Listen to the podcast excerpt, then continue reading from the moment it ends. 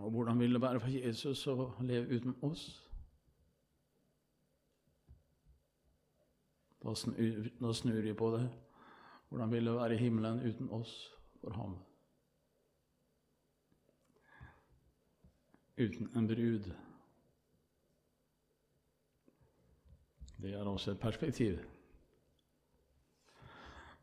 Takk for velkomstorda. Bruksanvisningen fra Skaperen. En viktig påminnelse. og Godt å komme hit til Lura. Jeg lurer på åssen det er hos dere, må jeg si.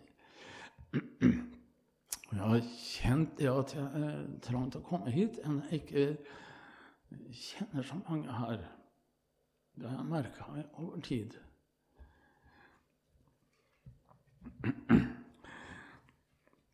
Dere merker jeg sliter med stemmen, men det kommer seg. Det har jeg alltid gjort siste åra. Etter hvert som en blir varm i trøya og får trene opp stemmemusklene, så hender det at det løsner, det der. Men jeg er avhengig av sprøyter i muskulaturen på Rikshospitalet noen ganger i året. Men det var lenge siden, derfor er det litt ekstra nå. Det knyter seg litt.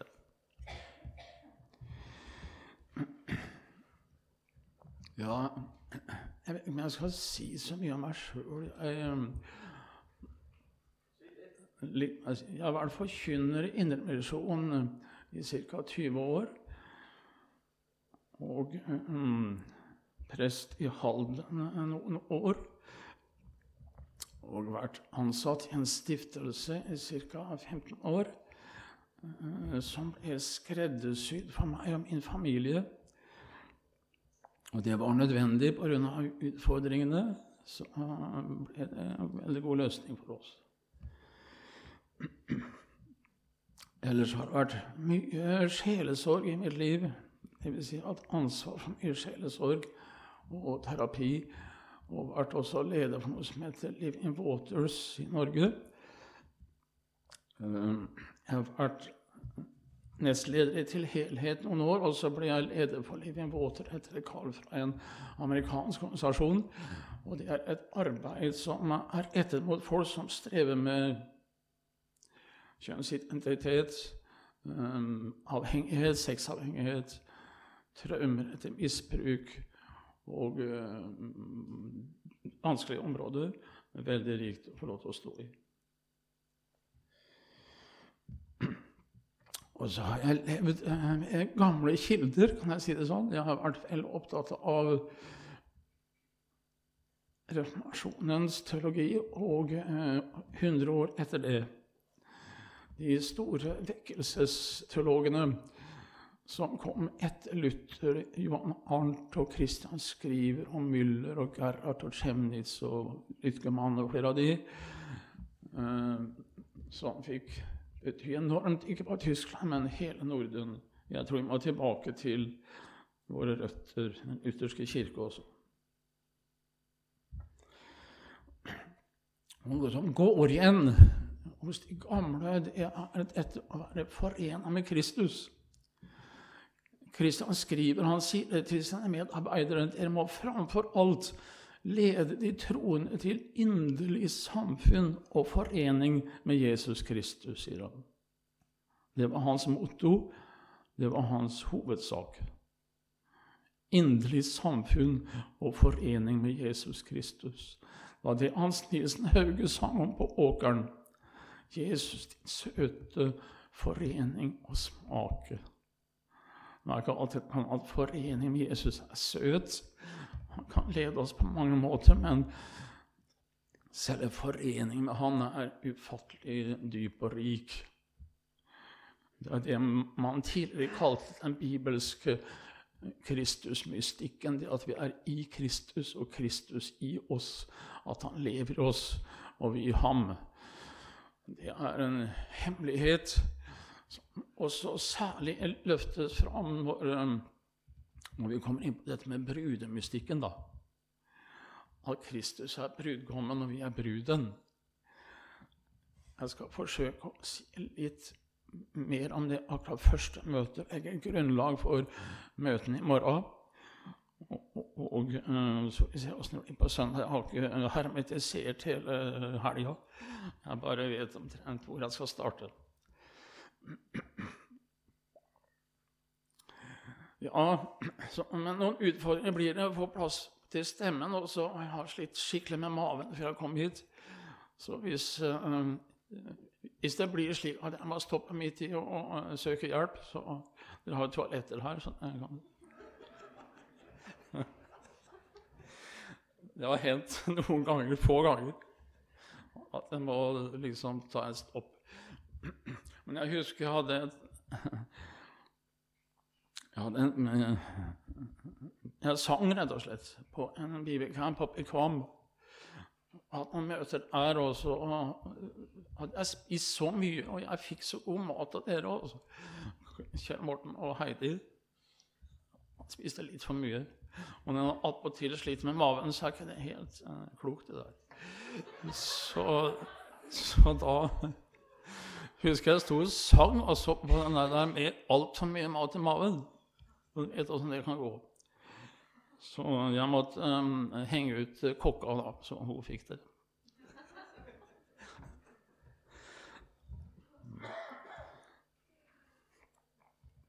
Så det er noe av det jeg drev med. Jeg har um, Jeg skriver en del, prøver i hvert fall. Så det går langsomt. En par bøker jeg kan nevne det kanskje på slutten, også om dette temaet. Og å jobbe med noe av samme temakrets om Kristusforeningen, litt bredere og dypere enn et par andre bøker har skrevet. Og så har jeg vært med i Norsk Bibel og jobba som med Ygstad og og flere av de brødrene i Bergen med revisjon av Norsk Bibel. Det har vært en berikelse. Ja. Jeg, jeg, sier dette for å få inngang. Dere skjønner det? Jeg merker det.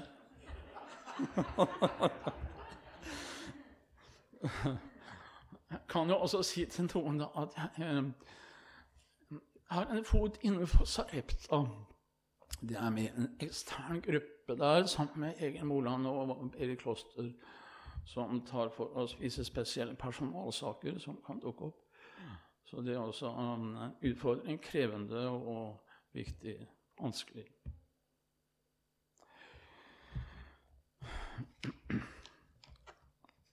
Men ellers det som kanskje har vært det vanskeligste i mitt liv, det er at jeg har hatt tre syke barn.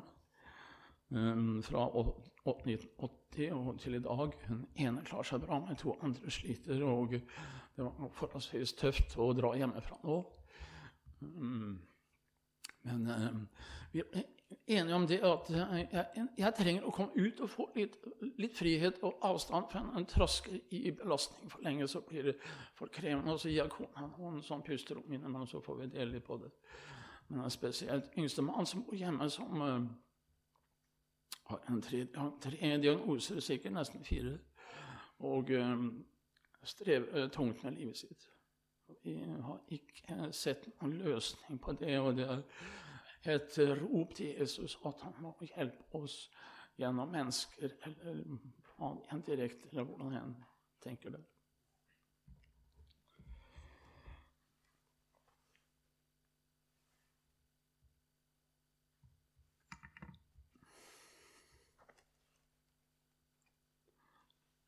Det, dere, dere, hører på hva jeg sier.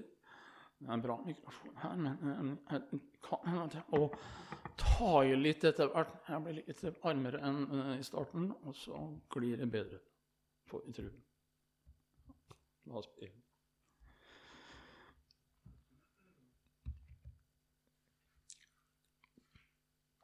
Ja, takk for himmelen at du har gitt oss din egen sønn som en vei og en bro til deg.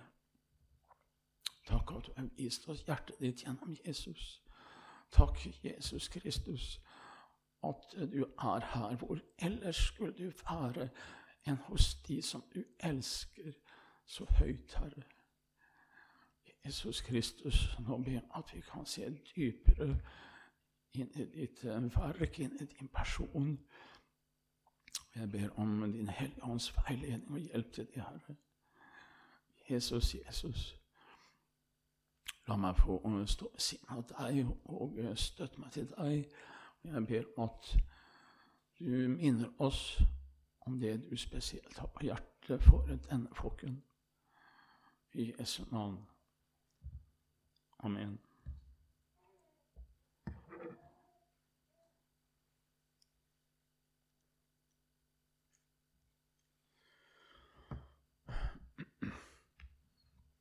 Jeg er ikke sikker på hvor um, dere befinner dere i det, på den veien som har brudeforhold til Jesus å gjøre. Hvor, hvor mye dere har tenkt på det og arbeida med det. det. Det kan være krevende å gå inn og treffe akkurat der dere er nå. Det må jeg be om at det skjer. Er ikke ukjent tema. Vi synger 'Salig visshet, Jesus er min, han er min brudgom, jeg hans brud'. Vi har sanger kom, som er til en frelser, kast deg i frelsens armer, kom og bli frelserens brud, osv. Vi har det i sangboka. Og du har helt sikkert lest mange ganger i Bibelen dette perspektivet om oss kristne. Er jo på mange måter det, det høyeste nivået når det gjelder vår kristne status. Det å være brud. Det er stort å være barn. Ufattelig stort. og Det må det forkynnes mye om det å være Guds barn. Men det å være Hans Kristi brud det fører oss på en måte enda nærmere hans hjerte, fordi den ekteskapelige kjærlighet mellom to som er ett, forena ekteskapet, er dypere enn foreldre og barn også som vi kaller oss Kristi brud da vi beveger oss på dypt vann. Svært.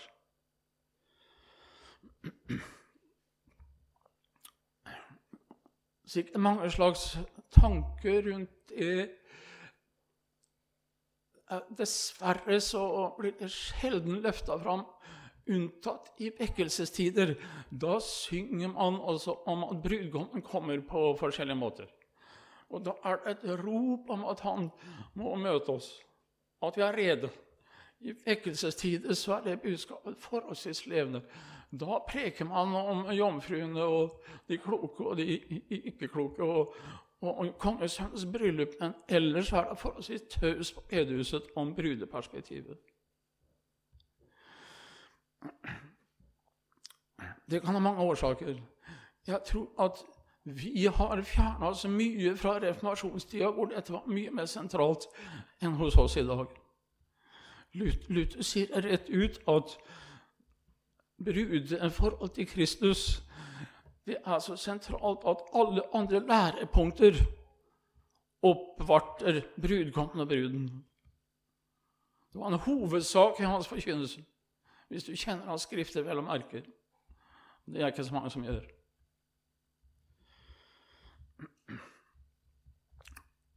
Og så har det vært svakere også senhistorien, i pietismen osv. Ble tatt opp litt igjen under 1800-tallet. Til og med haugianere begynte å preke om, om brudeforhold til Kristus. Og, og til dels Rosenius også. Men så det dabba av.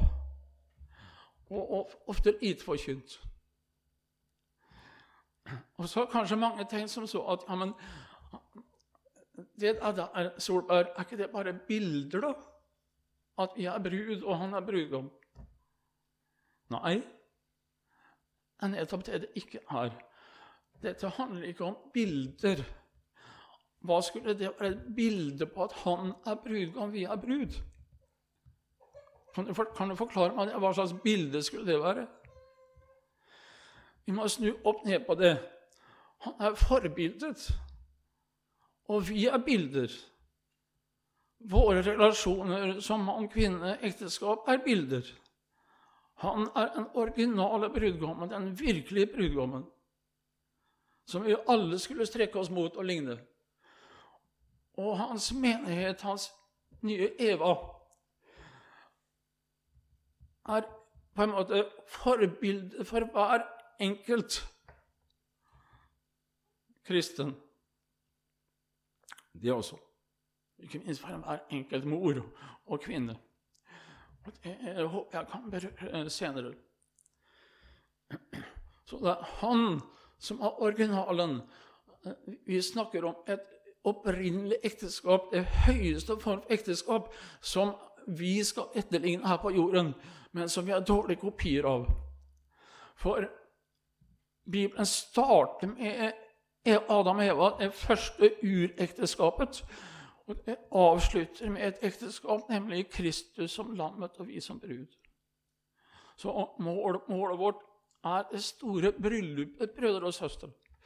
Der vi skal få leve med Jesus Kristus i tid og evighet. All tid. Det er det, er vi er etsa mot.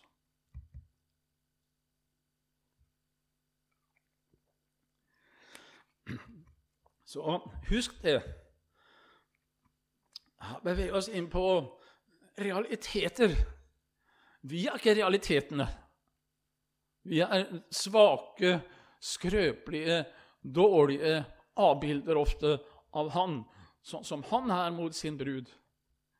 Og sånn som menigheten også er mot ham på mange måter.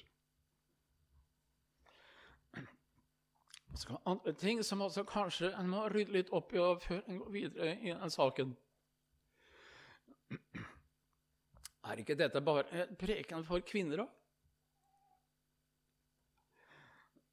At jeg er brud Her står jeg med skjegg, og så kaller jeg meg brud. Liksom, eh, strider mot all sunn fornuft. Det er flere andre med skjegg òg. Men da må vi huske at det er også primært menigheten, de troende menn og kvinner sammen, som er brud. Ikke sant? Derfor sa en amerikansk eh, åndelig lærer tydelig fra at dere troende menn er Herrens maskuline brud, og dere troende kvinner er hans feminine brud.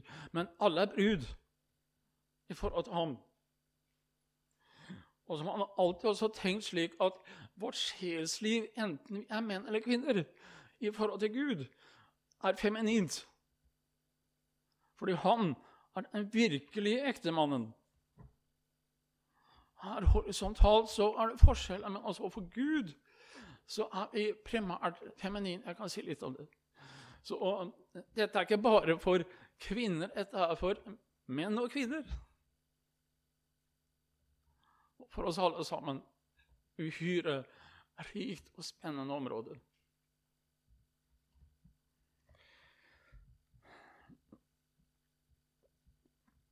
Det er sikkert en del andre ting også som jeg uh, burde tatt opp, men uh, bare sånn kort så er heller ikke det bare liksom bruden av menigheten. Den enkelte kristne også er brud. Enkelte individuelle kristne. Um, så uh, Det fins ikke bare en kollektiv brud, men også en individuell brud. Enkelte kristne er på en måte en brud i bruden. Dette blir en litt nye sånne vinklinger for deg, men du får ta imot det som passer inn.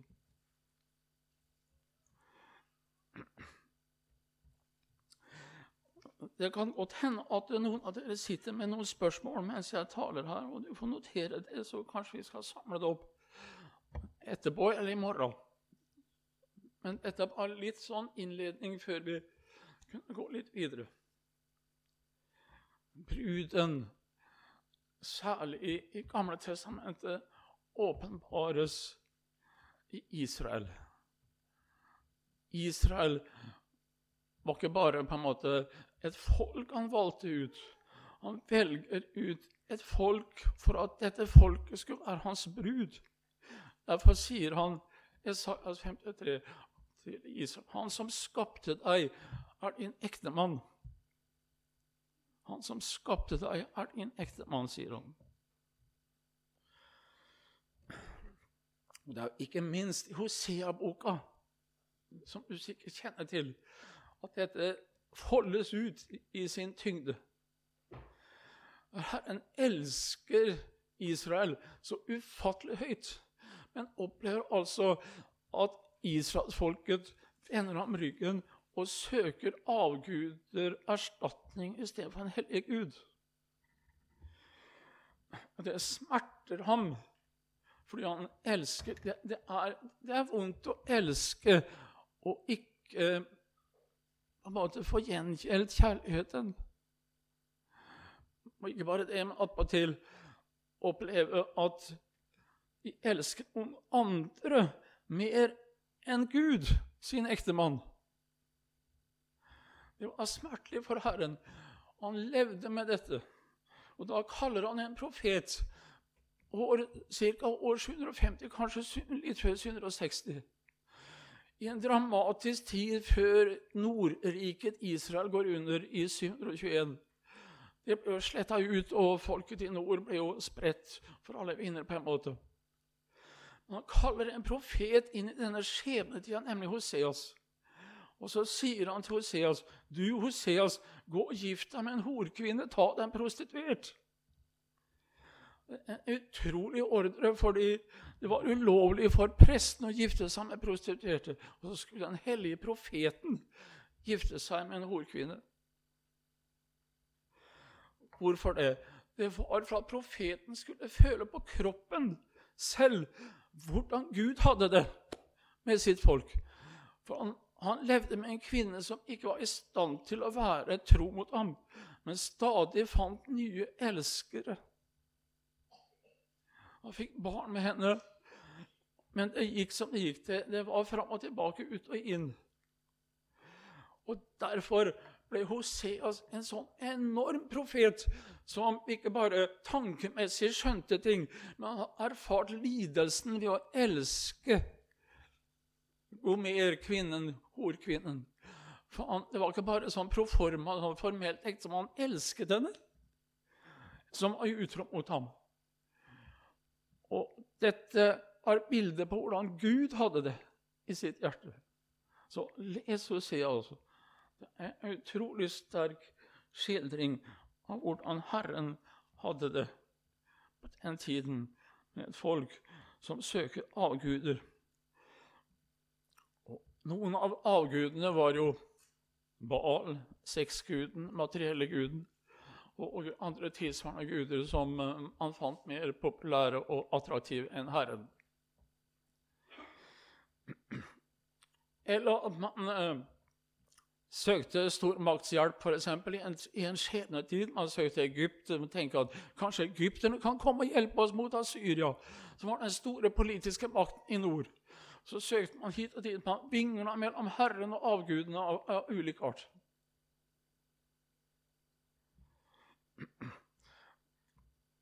Dette tror jeg er aktuelt for oss. Jeg tror det brødre og søstre, at en grunn til at det er vanskelig å forkynne dette i vår tid, det er fordi det er mye lunkenhet i våre rekker. Den første kjærligheten er i ferd med å ebbe ut. Kjærligheten til Jesus, brannen for Jesus Kristus, lengselen etter Jesus Kristus. Det er blitt en rutine å være hans. Lese litt i ordet og be litt han og sånn, men hvor er hjertet hen? Munnen er med, hvor er hjertet hen? Herren setter hjertene. Og, og, det er vanskelig, det må vi huske på, i et såpass rikt land som Norge å bevare seg varm med olje på lampa. Å være en klok jomfru med olje på lampa, det er vanskelig. Å bevare brannen. Ofte må han føre oss gjennom prøvelser slik at han kan få skrelle av alt annet vi bygger på. Men i det vanlige liv, hvis alt går og skinner og greit, og sånn, så er det mange kristne som har navn av å leve, men de er døde. Man ser ikke, Det ligner på kristendom, men det er ikke kristendom. Herren sitter i hjertet. Og det er klart, Hvis man har slikt forhold til, til Jesus, så vil all tale om brudgommen og hans nidkjærhet det vil, det vil, være krevende å lytte til. For han er nidkjær for oss. Han er en nidkjær Gud, står det i 2. Mosebok 20 og 34. Hva betyr, hva betyr nidkjær for noen av dere? Ja, jeg kan oversette sjalu. Men det er en for svak oversettelse, det blir skjevt på en måte fra hebraisk. Det dekkes best av det svenske ordet nidelskan. At Herren har en brennende kjærlighet for oss. For hans egen skyld og for din skyld. Han er nidkjær for vårt beste fordi han vet eh, at det er ikke godt for mennesket å ikke leve nær ham. Vi er skapt for Herren, søsken. Vi er skapt for å leve nær Herren følge Herren og elske Herren. Det er din menneskenatur skapt til. Hvis ikke du gjør det, så, så forvrenges og forvris menneskenaturen i en gæren retning. Derfor er han nidkjær, for han ser, sånn som det står i Jeremia Avguden er til skade for dere sjøl, sier Jeremia kapittel 7. Vi forkrøples sjelelig. Vi er ikke ment til å ha pengene som Gud sex som Gud, vår, vår, vår karriere som Gud. Vi er ikke skapt for å være utro og søke andre enn vår egen ektefelle. Fristelser er der, og kamper er der, men vi er ikke skapt for å leve det ut. Tvert imot. Til å leve i lyset hos Jesus, i hans kjærlighet og varme. Det er vi skapt for. Inntil ham det kan hende jeg sier ting som, som gjør det litt tøft, for det er klart at du, du merker jo dragningen mot liksom, karriere og mot å dyrke deg selv og popularitet og være likt og gjøre jeget til en gud. ikke sant? Du kan kjenne dragning også mot andres ektefeller og sammenligne din egen med han og hun. Og kjenne farer. Du merker det at det kan være ting som tar tak i deg. Og det er veldig fristende å ta noen skritt hvis det blir gjengjeldt livsfarlig område. Ta det tidlig, møt utroskapen på forskjellige plan tidlig, og gå til Jesus, snakk ut med noen. Kom inn til ham og, og la ham få lov til å rydde opp i slikt. Det ligger i oss en bygd ned i oss mennesker en fare for å være utro det fikk vi som fødselsgave. Det kom fra syndefallet, det kom fra Adam og Eva, som var utro mot Herren og begynte å dyrke det skapte framfor skaperen. De var utro, de dyrket jorden og det jordiske framfor ham. Og dette følger slekta. Det har en hang til å søke noe annet enn Jesus. Forferdelig. Men vår menneskenatur er ikke skapt for det. Han er nidkjær ikke bare for vår skyld, Herre, men også for sin egen skyld. For han elsker oss så høyt at han vil ikke miste oss og forlate oss. Han vil ikke leve uten oss. Han vil ha oss med inn i sitt rike, inn i himmelen, brødre og søstre. Han orker ikke tanken på at derfor blir han drevet ut av himmelen av sin egen kjærlighet og kledd i kjøtt og blod. Og drevet fram gjennom Getseman og fram på korset for å bære vår utroskap og vår synd og dø for den og rydde opp for oss og bane vei tilbake til seg. Så han har en enorm, brennende kjærlighet til oss mennesker, Herren. Det vet vi.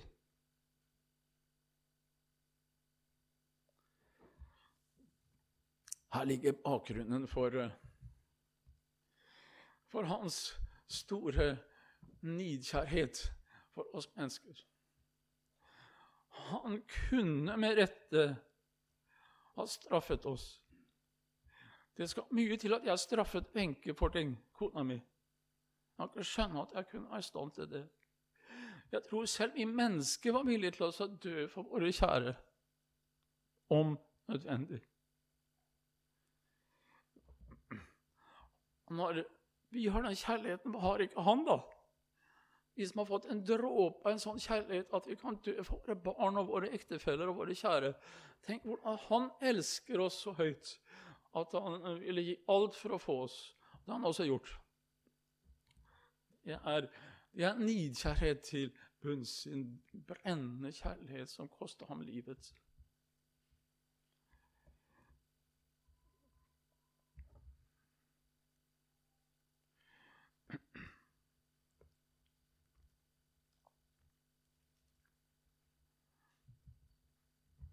Husker for mange år siden.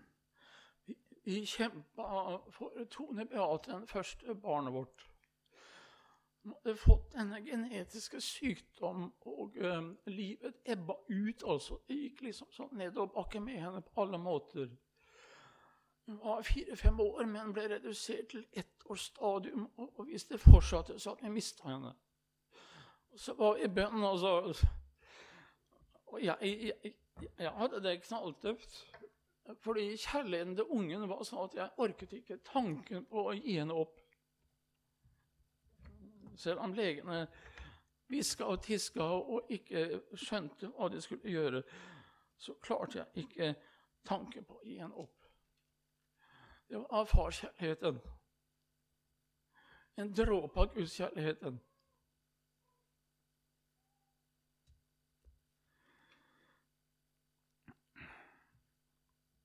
Da var det at jeg fikk se Hosea 11.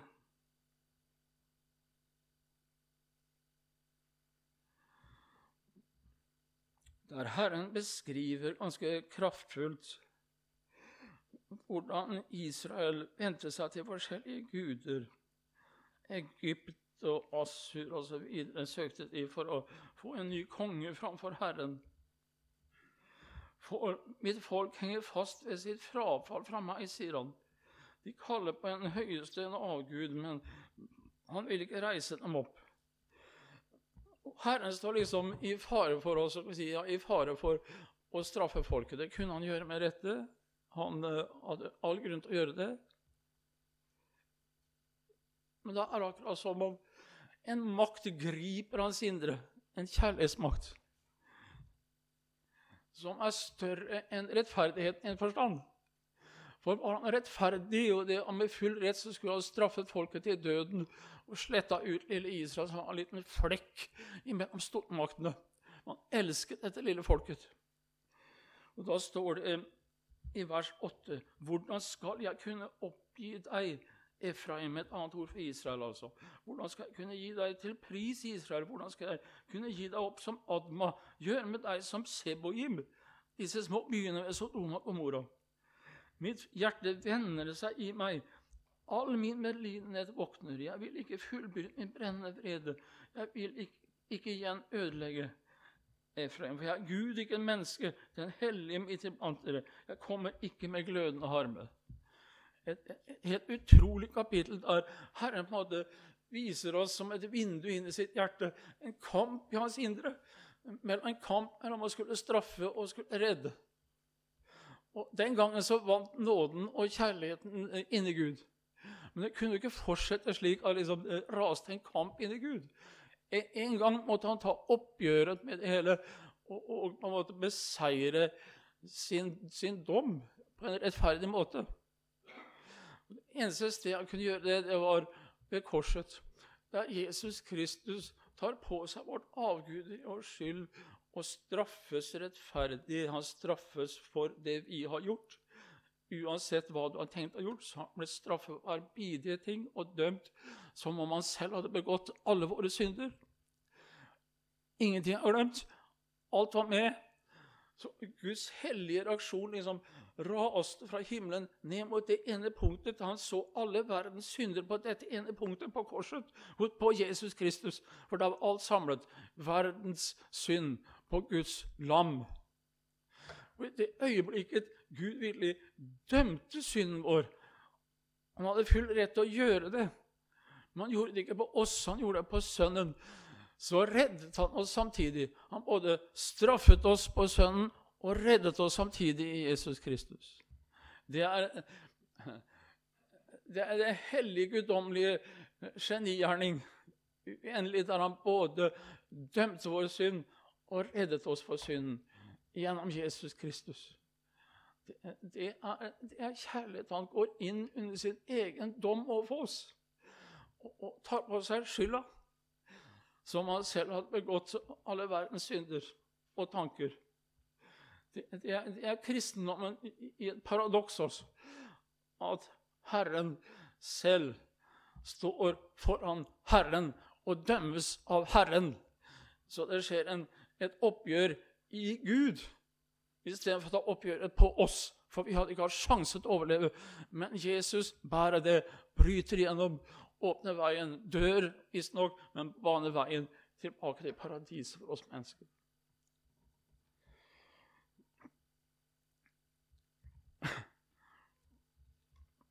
Det er på den bakgrunn at den samme profet i kapittel 2 hvis du vil være med inn i den, det avsnittet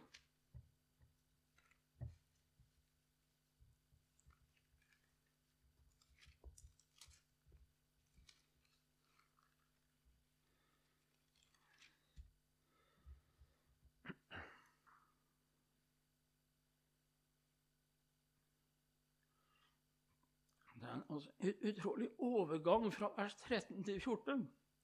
Først så sier han at 'jeg vil straffe henne for dagene hun brente røkelse for bal'. Jeg vil straffe henne, sier Herren en gang. Og så sier han rett etterpå men, men jeg vil lokke henne og føre henne ut i ørkenen og tale vennlig til henne isteden. Merkelig hvordan Herren har såkalt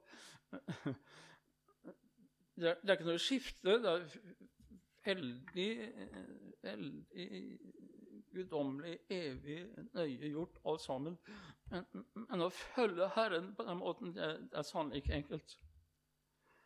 Og dette folket som hadde syndet mot ham og vendt seg mot ham og vendt ryggen til ham, som eh, ropte på Balen osv., som det står i vers 16 og 17 Til dette folket så roper han ut, 'Jeg vil' tro lov meg med deg for evig tid. Jeg vil trolå meg med deg i rettferdighet og rett, i miskunnhet og barmhjertighet. Jeg vil trolå meg med deg i troskap, og du skal kjenne Herren.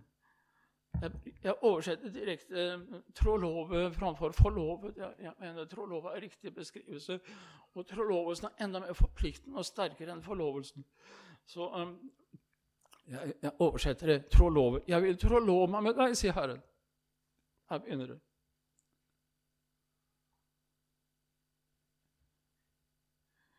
Jeg, jeg vil ha hånda di. Jeg, vil forlove meg med deg. Er, er, du med på det?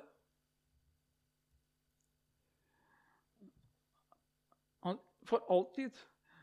Jeg, jeg vil være din forlovede, din forlovede for alltid. Uten skilsmisse. For det er imot hans vilje, selv om det kan skje vonde ting på jord som nødvendiggjorde det. Men fra hans side han vil ikke skille seg fra deg. Jeg vil trå meg ved deg i rettferdighet og rett i miskunnhet og barmhjertighet. Jeg vil trå meg ved deg i troskap, og du skal kjenne Herren. Dette, dette er på en måte Da vi ble kristne, så ble vi forlova med Herren og trolovet med Gud.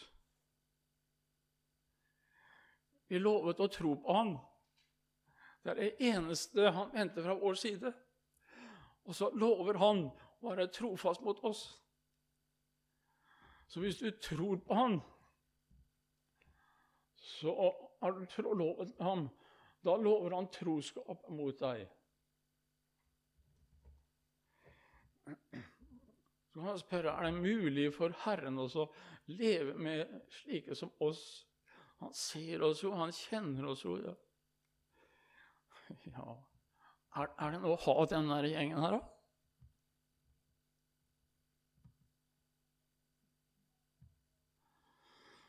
må jeg si som de gamle bekjente Jeg tror på en hellig, allmenn kirke. Jeg tror. Jeg ser ikke at det er noen veldig sterke grunner for at her sitter Kristi trolovede. Jeg ser en del alvorsfylte fjes, og, og litt, noen litt avspredt, og litt her og der i tankene. Og, og ja, jeg ser typisk nordmenn. Ikke sånn sprudlende spontane heller. Ja, ja, nå har gått opp en liten sånn skratt. Men jeg tror, jeg tror at det her finnes et hellig folk, en hellig allmennkirke. Fordi Jesus Kristus er her og dekker oss med sitt blod. Vi lever i lyset hos Jesus med våre synder. Da tror jeg at han ser et hellig, rettferdig folk. Jeg ser ikke klart med mine fysiske sanser at her inne er det et hellig folk. Hellig som Gud. Det kan jeg ikke se med mine sanser, men jeg tror det. For forsoneren er her. Jesus Kristus er her, som har båret våre synder opp på korset og tatt dem bort fra sin menighet. Og så har han gitt oss sin egen rettferdighet i stedet.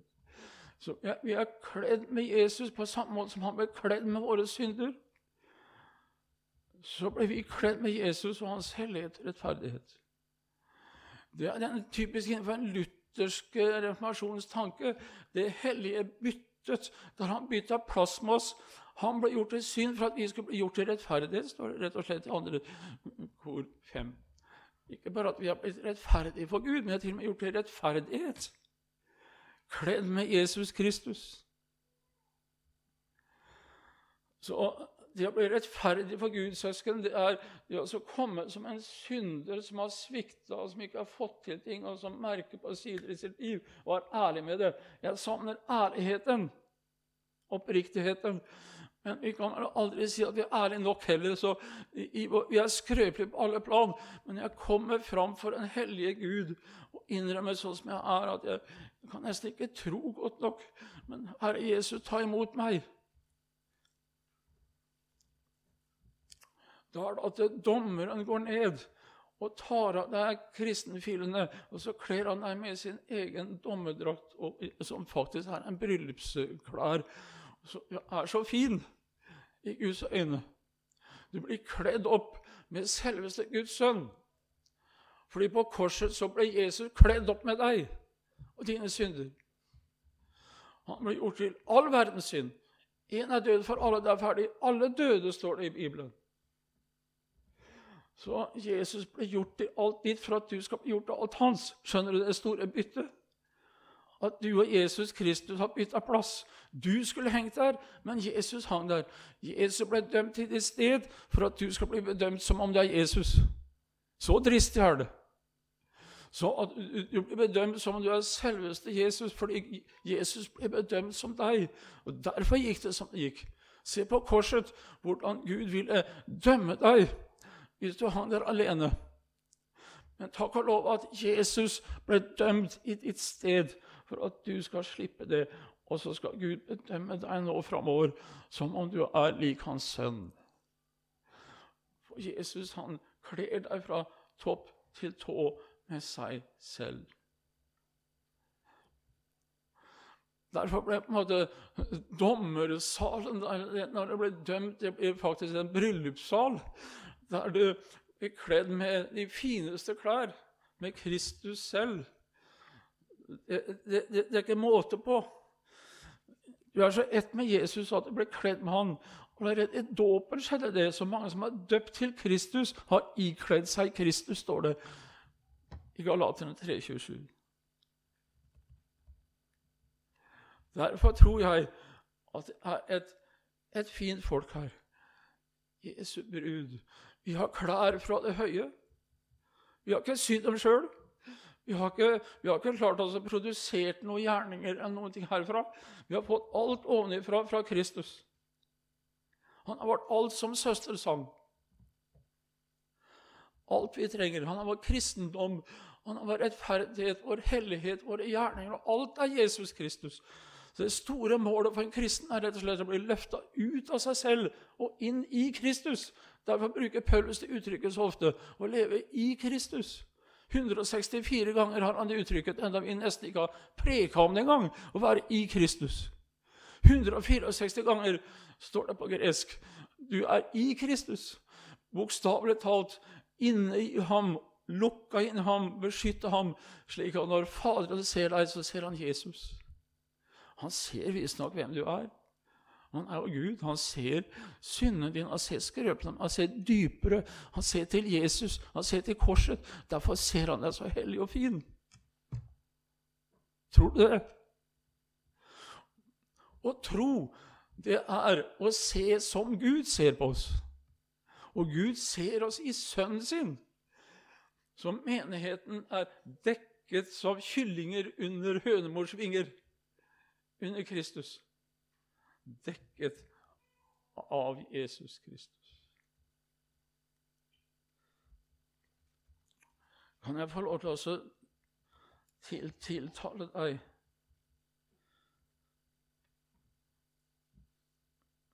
ifra Jesus hvor, hvor vakker du er, min kjæreste, hvor vakker du er. Dine øyne er som duer. Det står i Høysangen 1, 15 og 16. Hvor vakre dere er. Vakre er dere som skapninger. Jeg kaller vi skjønner vi bedømmer etter visse sånne standardmål og syns ikke alle er like vakre, men for Herren er vi skal. Vi er vakre som skapninger, sånn som Skaperen ser oss. Ikke slik andre ser oss selv, og hvordan vi selv ser på oss selv. Vi akkurat Men tenk også når du, når du blir sett i Kristus, gjemt i Kristus, dekket av Jesus Kristus, da blir du vakker. da. Da blir han så betatt av deg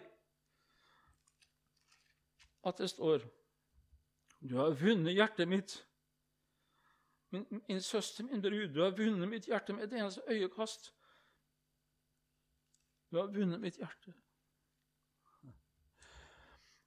På sommeren så hender det at jeg drar opp til Besseggen, til ei hytte vi leier av noen venner der oppe ved siden av Besseggen. Og motsatt av Besseggen, på andre siden av Besseggen, på andre siden av Sjoa, der er det et fjellskar som heter Brudeskaret. Der hender det at jeg klyver opp. Det er få som går opp der. for Alle flyr opp på Besseggen og Knutsø og alt dette her rundt omkring.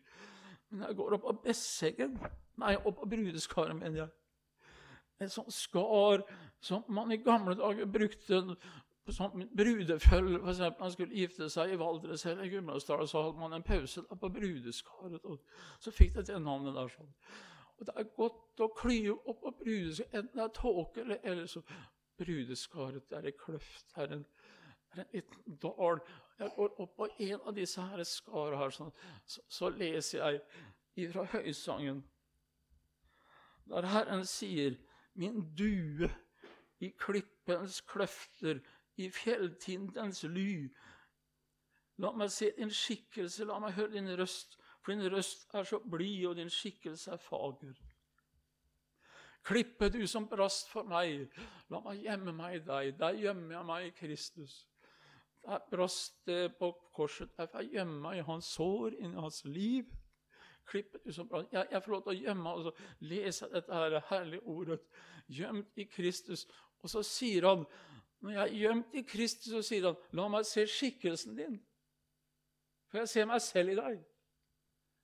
Jeg ser at du er utenpå meg, og jeg er utenpå deg. Vi er ett. La meg se skikkelsen din. Kom, la meg høre røsten din. Ja, be til meg, da. Ikke vær så opptatt av at du ber skrøpelig og tørt og kaldt. og sånn. Jeg, jeg, liker røsten din. Din røst er så mild, sier han. Han døde jo ikke bare for vår gjerning, han døde også for ord, vår munn. Vi som ofte er så skrøpelige når vi ber. Han døde også for det slik at vår røst lyder så vakker og herlig klingende som harper i hans ører. Alt er vakkert.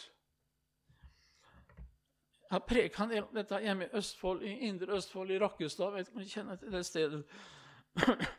Jeg husker jeg var der for første gang på et husmøte jeg tror det var rundt sånn 2005. Det var en søster her som leder. Jeg får lov til å fortelle dette fra henne. Det, det hun, det hun beskriver på noe av sin vei med Jesus. I begynnelsen forteller hun så hadde hun så mye komplekser. Ikke våga å se på mennesker og følte at hun ikke hadde utdannelse. og ikke var noe, noen ting liksom. Og, og, ja, gikk med hund og armen. Sånn hadde denne kjære søstera Solveig det. Og så tar hun imot budskapet der Herren snakker inn i ansiktet og øynene hennes og hjertet hennes. Hun får tro. Du er så herlig og vakker i meg, Solveig. Du er så skjønn slik jeg ser det. Ikke hør på hva du selv tenker om deg selv eller andre, men hva jeg tenker om deg. Jesu Kristi blod renser for all synd. Alt blir bare borte i Sønnen. Og så begynte hun å tro dette her sånn. Og nå er det så godt. Nå har hun fått ett ord med seg, et hovedord i hennes liv som hjelper henne åndelig og sjelelig, også faktisk når det gjelder komplekser. For dette jeg snakker om her, det kan også hjelpe på det rent sånn psykiske og, komplekser og slikt, naturligvis, men det er først og fremst også til hjelp på det åndelige plan. Og da bruker hun gjerne ordet Høysangen 5.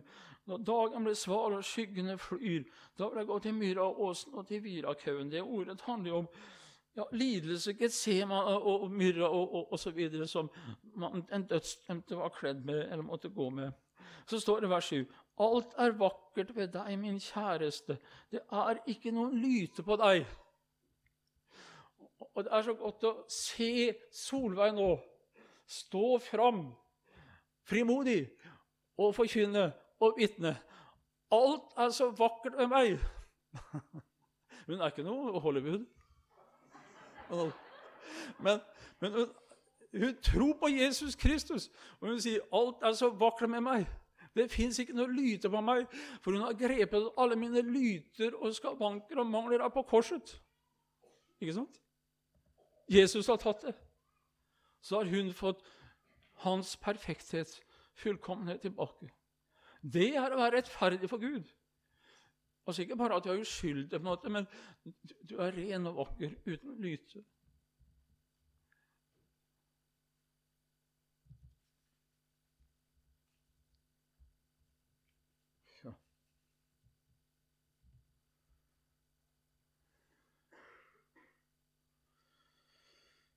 Anders Hovden han synger 'De rettferdige er min bunad', mitt ljoser sjelelin min hovedkrans, min kruna, min skatt, mitt perleskrin. Du ga meg alt av nåde til vern mot dommens våde, du dyre frelser min. En mann da, i norsk kristenliv som hadde blitt uglesett og dømt utenfor det fine selskapet som vi tilhører. Det er Åge Samuelsen. Han hadde sine skrøpeligheter, det vet vi. Han hadde også noen sanger. Han har sett inn i høysangen han var spesiell. Og han synger På sin brud han finner ingen lyte, kjenner kun en duft av rene klær. Hennes skikkelse han ønsker nyte, kongens hjerte overvunnet er. Derfor vil Herren ha oss hos seg. Det er voldsomt, det som har skjedd på korset. Det er en voldsom til forandring som har foregått mellom han og oss. Han har veldig god grunn til å ta imot oss og fryde seg over oss. For vi er dekket av ham. Og han ser seg selv i oss. Så brødre og søstre, dette er sentrum i evangeliet. Bruden er litt av en størrelse også. Johannes han ser henne i åpenbaringen 12. Jeg ser en kvinne kledd med solen. Jeg ser en menighet på Lura kledd med lyset med Jesus Kristus. Jeg ser med troens øye her inne er Herrens folk. Jeg ser en renheten og vakkert og herlig som Gud fryder seg over oss i Kristus Jesus.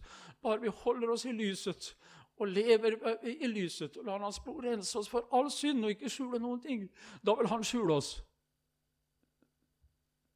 og dekke oss.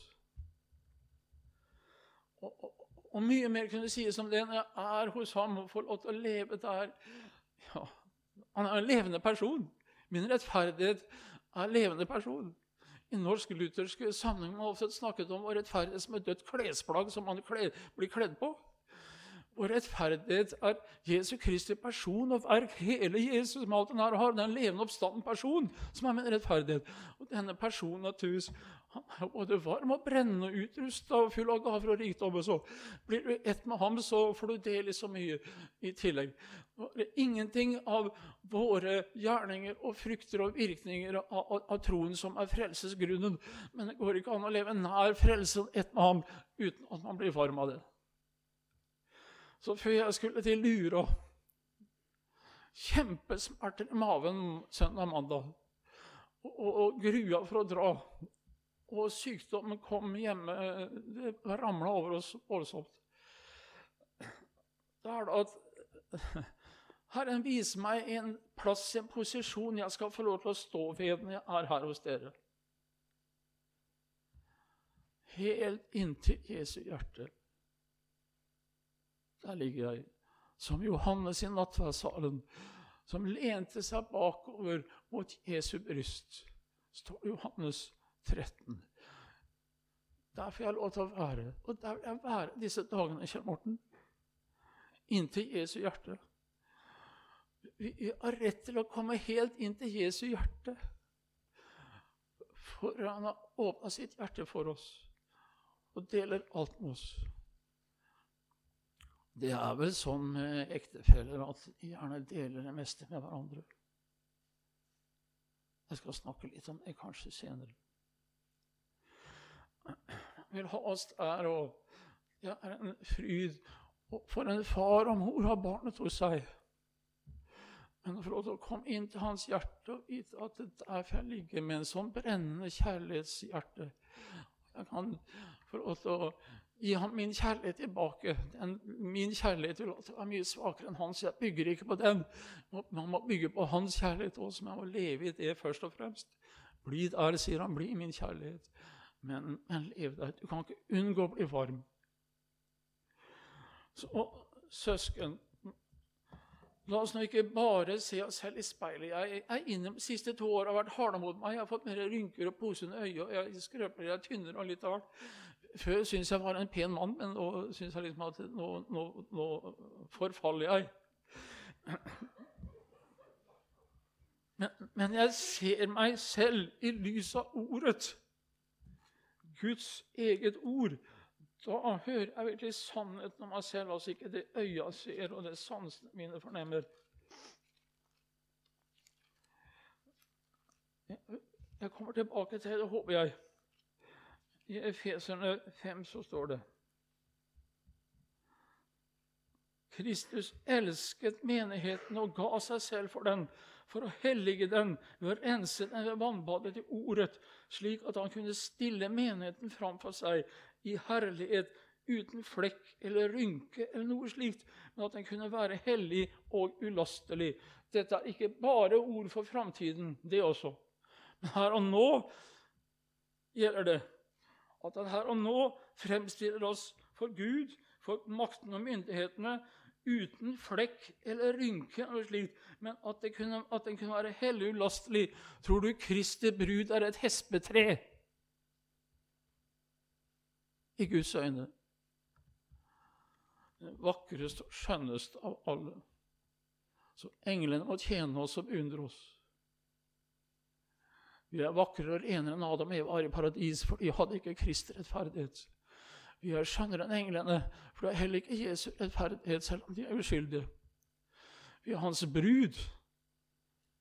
Kan vi nå høyere opp? Vi er hans dronning. Vi er hans nye Eva. Vi skal få sitte ved hans side i himmelen og herske sammen på tolv troner.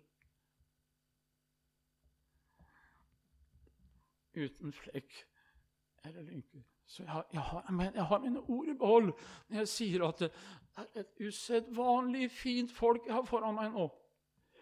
Jeg burde nesten ikke våge å snakke til dere engang. Men eh, jeg må tale i skrøpelighet likevel. Et ufattelig fint folk som Herren roser og gleder seg over og frydes over. Se inn i Ordet ikke bare inn i vanlige speil at du, du er skrøpelig, du er litt skjevhet her, og du skal ønske nesa annerledes og øya satt annerledes. Og du skal ønske du ikke har så mye rynker osv. Men se inn i ordets speil, sånn som han ser deg. Da får du svaret tydelig. Guds folk, la oss reise oss i ydmykhet, men i hellig stolthet. Jeg snakker om hellig stolthet, en falsk, syndig stolthet, men hellig stolthet over det vi er i Jesus Kristus, slik at vi ikke bare går med hunearmen. Det er et uh, ufattelig privilegium å tale til Herrens brud.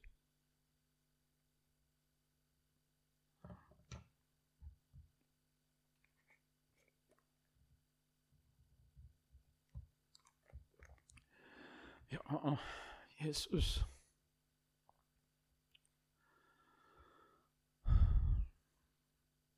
Hva skal jeg si, Herre? Du valgte oss. Ikke begriper jeg hva du så i oss, men Herre, du så noe ufattelig. Ditt eget bilde som hadde falt. En skapning du elsket, og som du hadde tiltenkt eh, brudestatus. Takk, Jesus, at vi får være med den brudeskaren, Herre. Og En dag skal vi se deg da du stråler mot oss, og vi er framme, og vi er din i all evighet.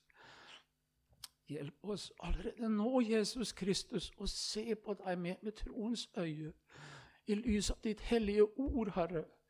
Det ber vi om, Jesus. Og du taler til hver eneste en her inne, slik at hver og en kunne tro det du sier om oss, det du har gjort for oss, Herre på korset. Alt er forandra her gjennom deg. Jesus, er det noen her som virkelig strever med sitt forhold til deg og har bare små tanker om seg selv, Herre, og bare ser sin skrøpelighet? Vi ber deg, Jesus Kristus, at du åpner våre øyne så vi ser hvor rike vi er. Det ber vi om. Kjære Jesus Kristus. Hjelp meg her å tale rett om dette. I Jesu navn.